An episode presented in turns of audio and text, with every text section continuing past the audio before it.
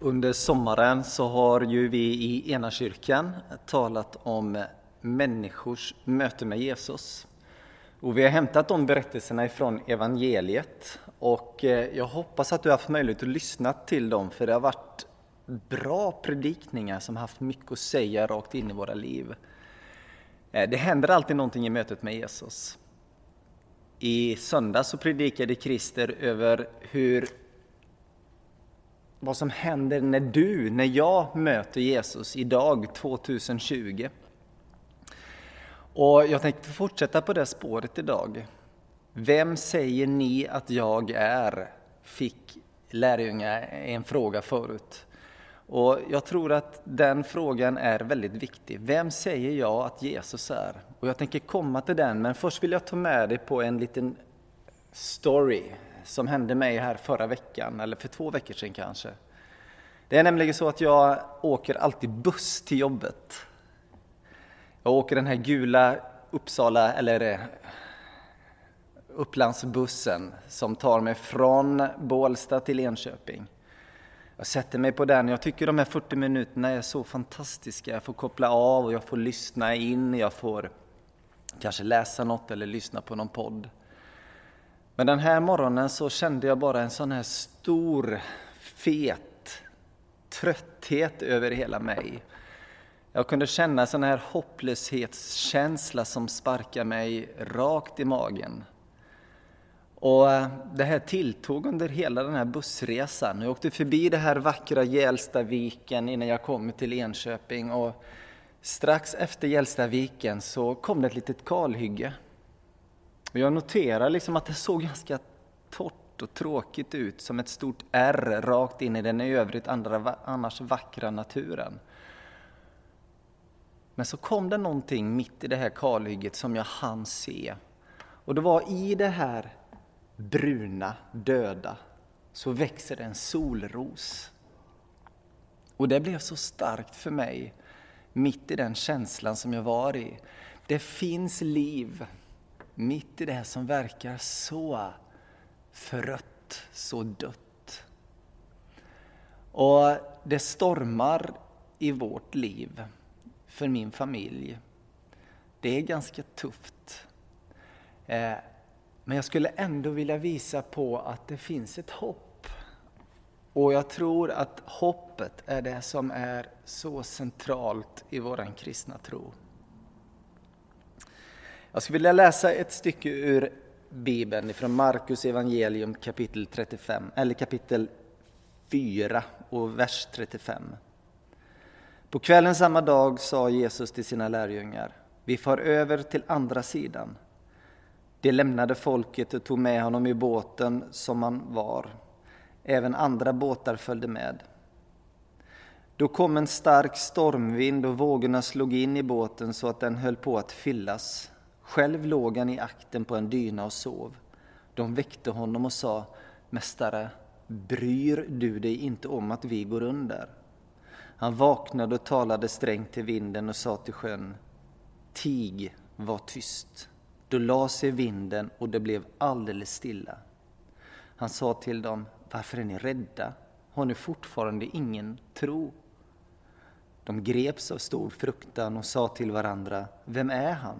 Till och med vinden och sjön lyder ju honom. Det som jag vill lyfta fram idag, det är att Kristus är vårt hopp. Och jag tycker den här texten uttrycker det på ett sätt som är väldigt tilltalande för mig. Jag upplever också att det är en ganska farlig text att läsa. För vad är det som händer med mig när det är hopp jag vill ha mitt i stormen? När det inte slutar att storma? Vad händer med mig när stormen kanske tilltar? Vad händer med mig när den här stormen håller på dag efter dag, vecka efter vecka, månad efter månad, år efter år? Det händer någonting i mig. Och jag ropar ut, precis som lärjungarna ropade här. Gud, bryr du dig inte om att jag går under? Orkar inte mer? Bryr du dig inte? De här ropen, bryr du dig inte, blir oftast böner. Och böner som efter att veckorna går, månaderna går, åren går minskar i intensitet, minskar i frekvens, minskar i kraft. Till slut är det inga ord kvar utan kanske bara en suck. Men många menar ju att, att det kanske är den djupaste formen av bön vi har, att vi får sucka till Gud. Men det är inte lätt. Jag tror vi är många som har levt och lever i de här sammanhangen. Vi hoppas, men vi ser inte att någonting händer. Det är så skönt att ha Bibeln, det är så skönt att ha hela den här textmassan. Det är så skönt att ha, jag läste från Klagovisorna häromdagen, kapitel 3, vers 18, där det står Det är slut med min livskraft och mitt hopp till Herren. Tänk, tänk att det står i Bibeln. Tänk att det finns människor före mig som kan känna de här känslorna och det platsar i Guds eget ord. Vet ni vad som händer med mig i sådana lägen? Det är att det kommer in en känsla av att jag får plats i den här boken, jag får plats i det här livet. Jag har en oerhörd respekt för det här predikoämnet om hopp, att Kristus är vårt hopp. Hur gör vi när vi talar om hopp? Hur gör vi när vi predikar hopp så att inte det bara blir en sån här ytlig klapp på huvudet och säger du ska se att det ordnar sig till slut? Och samtidigt inte hamnar i det här läget där allt blir hopplöst och Gud blir väldigt liten och inte kan göra någonting. För jag vill mena att den här berättelsen är en enormt stor berättelse om om Guds hopp. Och när jag får lägga mitt lilla liv till den här berättelsen så händer det någonting i mitt liv. Och jag önskar så att jag kan förmedla det till dig idag. I Romarbrevet 15 och 4 så skriver Paulus så här att alla profetier i skriften, de står där för att undervisa oss så att vi genom vår uthållighet och den tröst som skriften ger oss kan bevara vårat, ja vad tror du? Kan bevara vårt hopp. Hopp är det centrala i den kristna tron. Kristus är vårt hopp, är det som Paulus ropar ut till den, till den unge Timoteus när han ska gå in i sin tjänst. Det är som att Paulus lutar sig fram till Timoteus och säger, du Timoteus, Kristus är vårt hopp.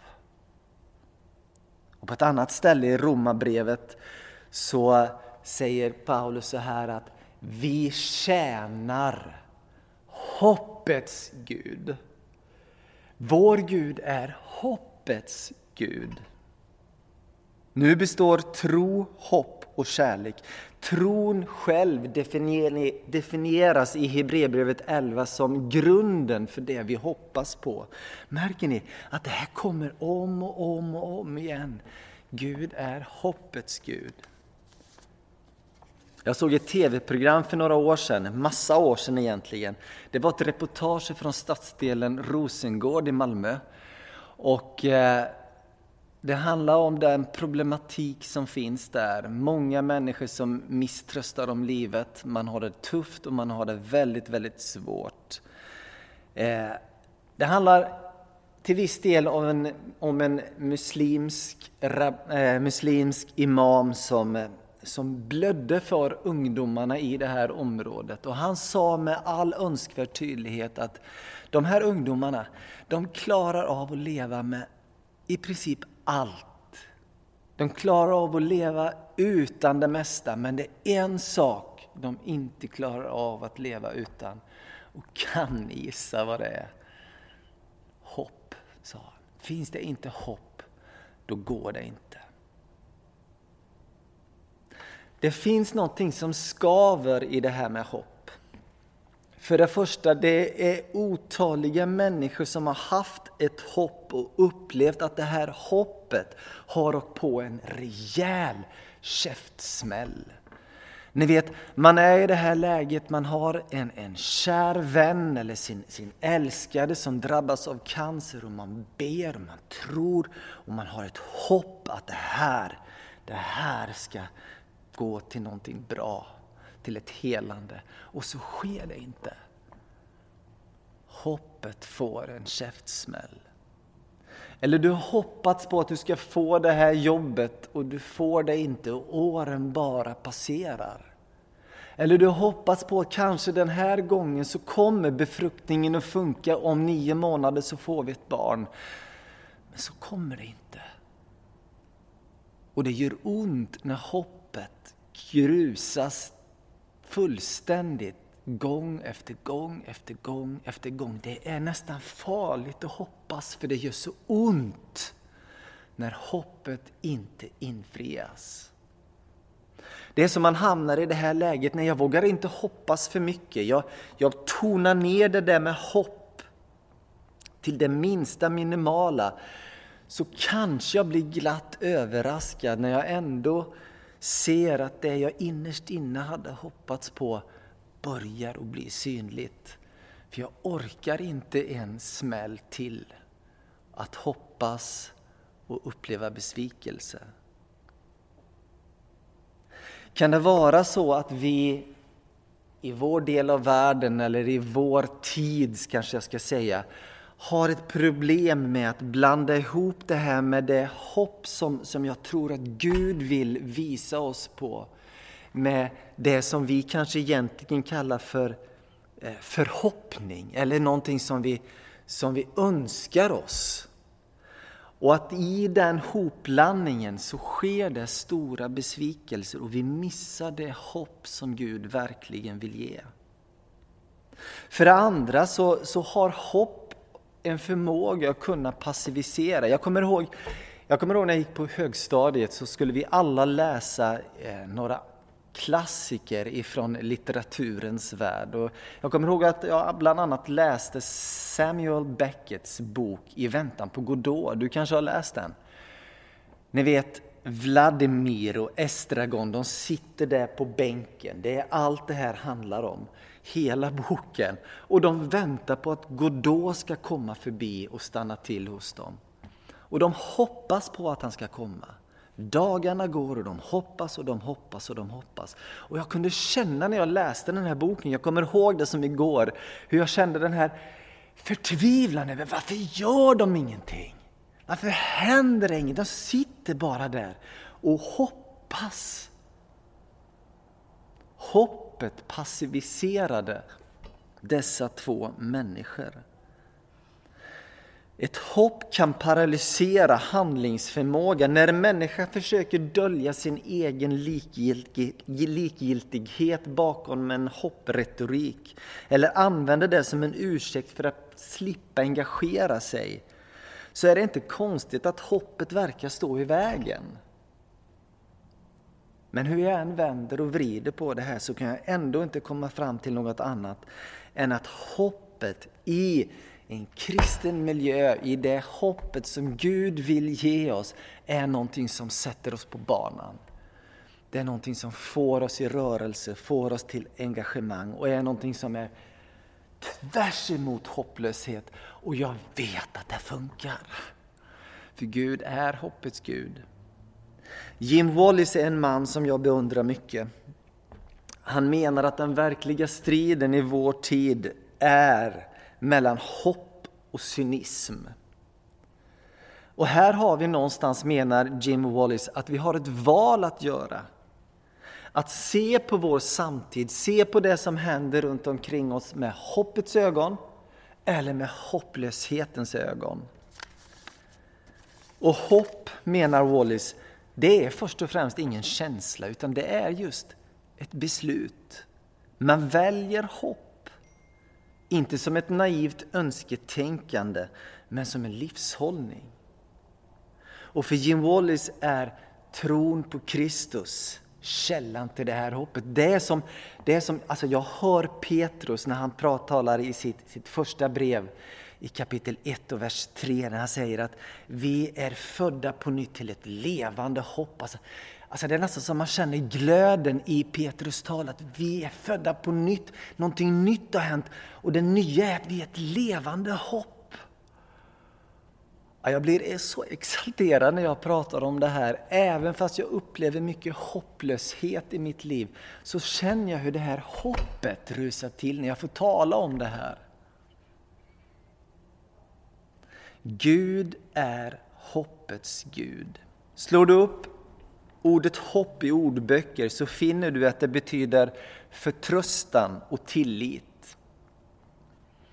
Och det är väl kanske inte riktigt det som vi kanske först och främst tänker på när vi tänker hopp, utan det är något som vi associerar ofta till något som vi önskar men som vi ännu inte har sett, men vi önskar det här. Men hopp betyder framförallt förtröstan och tillit. Gud Bryr du dig? ropade lärjungarna i båten. Har du ställt den frågan någon gång? Gud, bryr du dig? Varför händer det ingenting? Varför går åren? Varför ser vi inte någon skillnad? Gud, bryr du dig?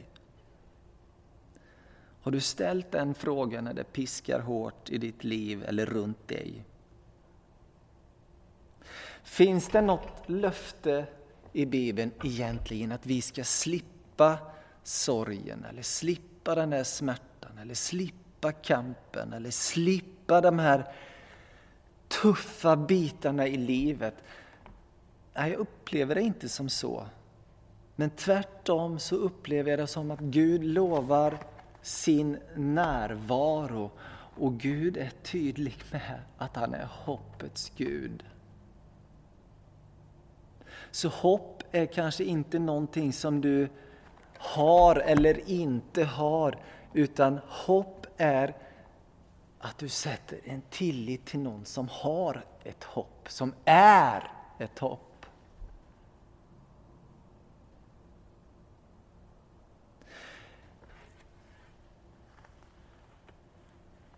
Lärjungarna hoppades. Efter Jesu uppståndelse efter Jesu himmelsfärd så kan vi läsa om vad som hände med den nya, när den nya kyrkan föds i apostlagärningarna.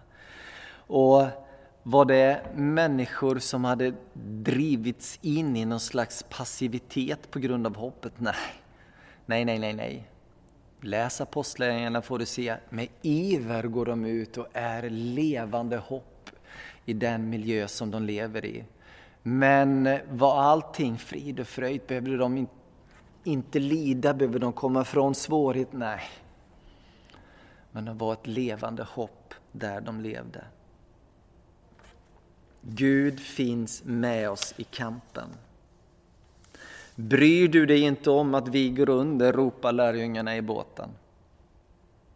Ni vet, ibland så inträffar det där miraklet. I berättelsen vi läste här i inledningen på gudstjänsten, eller på den här predikan, så, så sträcker Jesus ut sina armar och stillar den där stormen. Och ibland är vi med om de där underverken, de där momenten då det där bönesvaret kommer och det lägger sig. Ni vet, det bara, det bara stillar sig.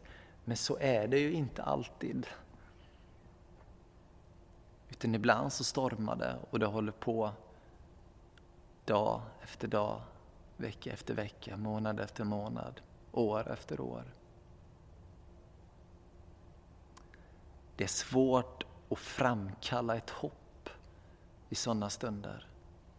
Men vet du, det finns någon som är hopp. Gud är hoppets Gud. Det är svårt att hoppas när allt går i kras, när allt faller sönder. Och jag skulle vilja mena, jag skulle vilja att du lyssnar riktigt, riktigt noga nu, för jag tror att det här kan vara ett tilltal till dig där du lyssnar. Det finns ett mysterium, det finns en hemlighet i korset. Utan död så kommer ingen uppståndelse. Utan att ett vetekorn faller i marken och dör så blir det inte liv.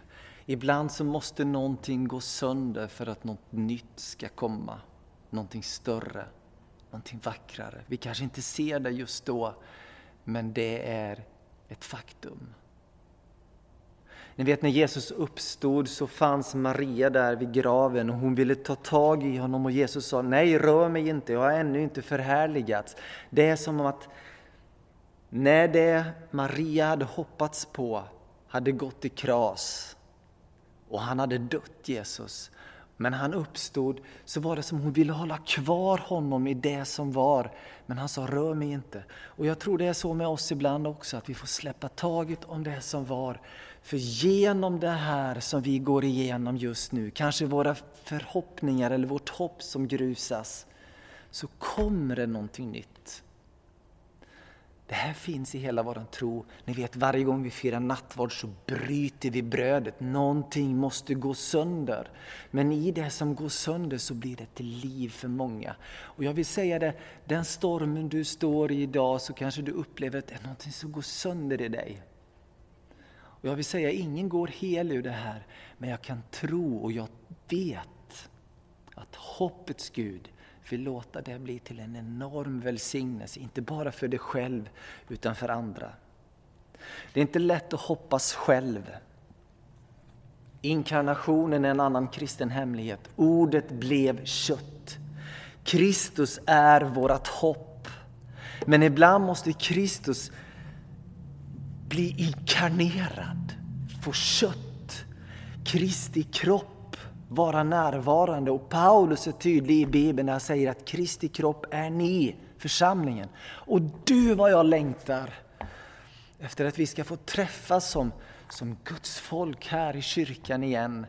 För ibland orkar inte jag hoppas. Men då vet jag att det är någon annan i den här kroppen som hoppas åt mig. Ibland orkar inte du. Och vet du, då får jag lägga armen om dig och säga vi går igenom det här tillsammans. Vi är Kristi kropp. Kristus är våra topp. Amen. Låt mig bara be om Guds välsignelse över dig. Herren välsigne dig och bevara dig. Herren låter sitt ansikte lysa över dig och vara dig nådig. Herren vände sitt ansikte till dig och give dig frid. I Faderns och i Sonens och den helige Andes namn. Amen.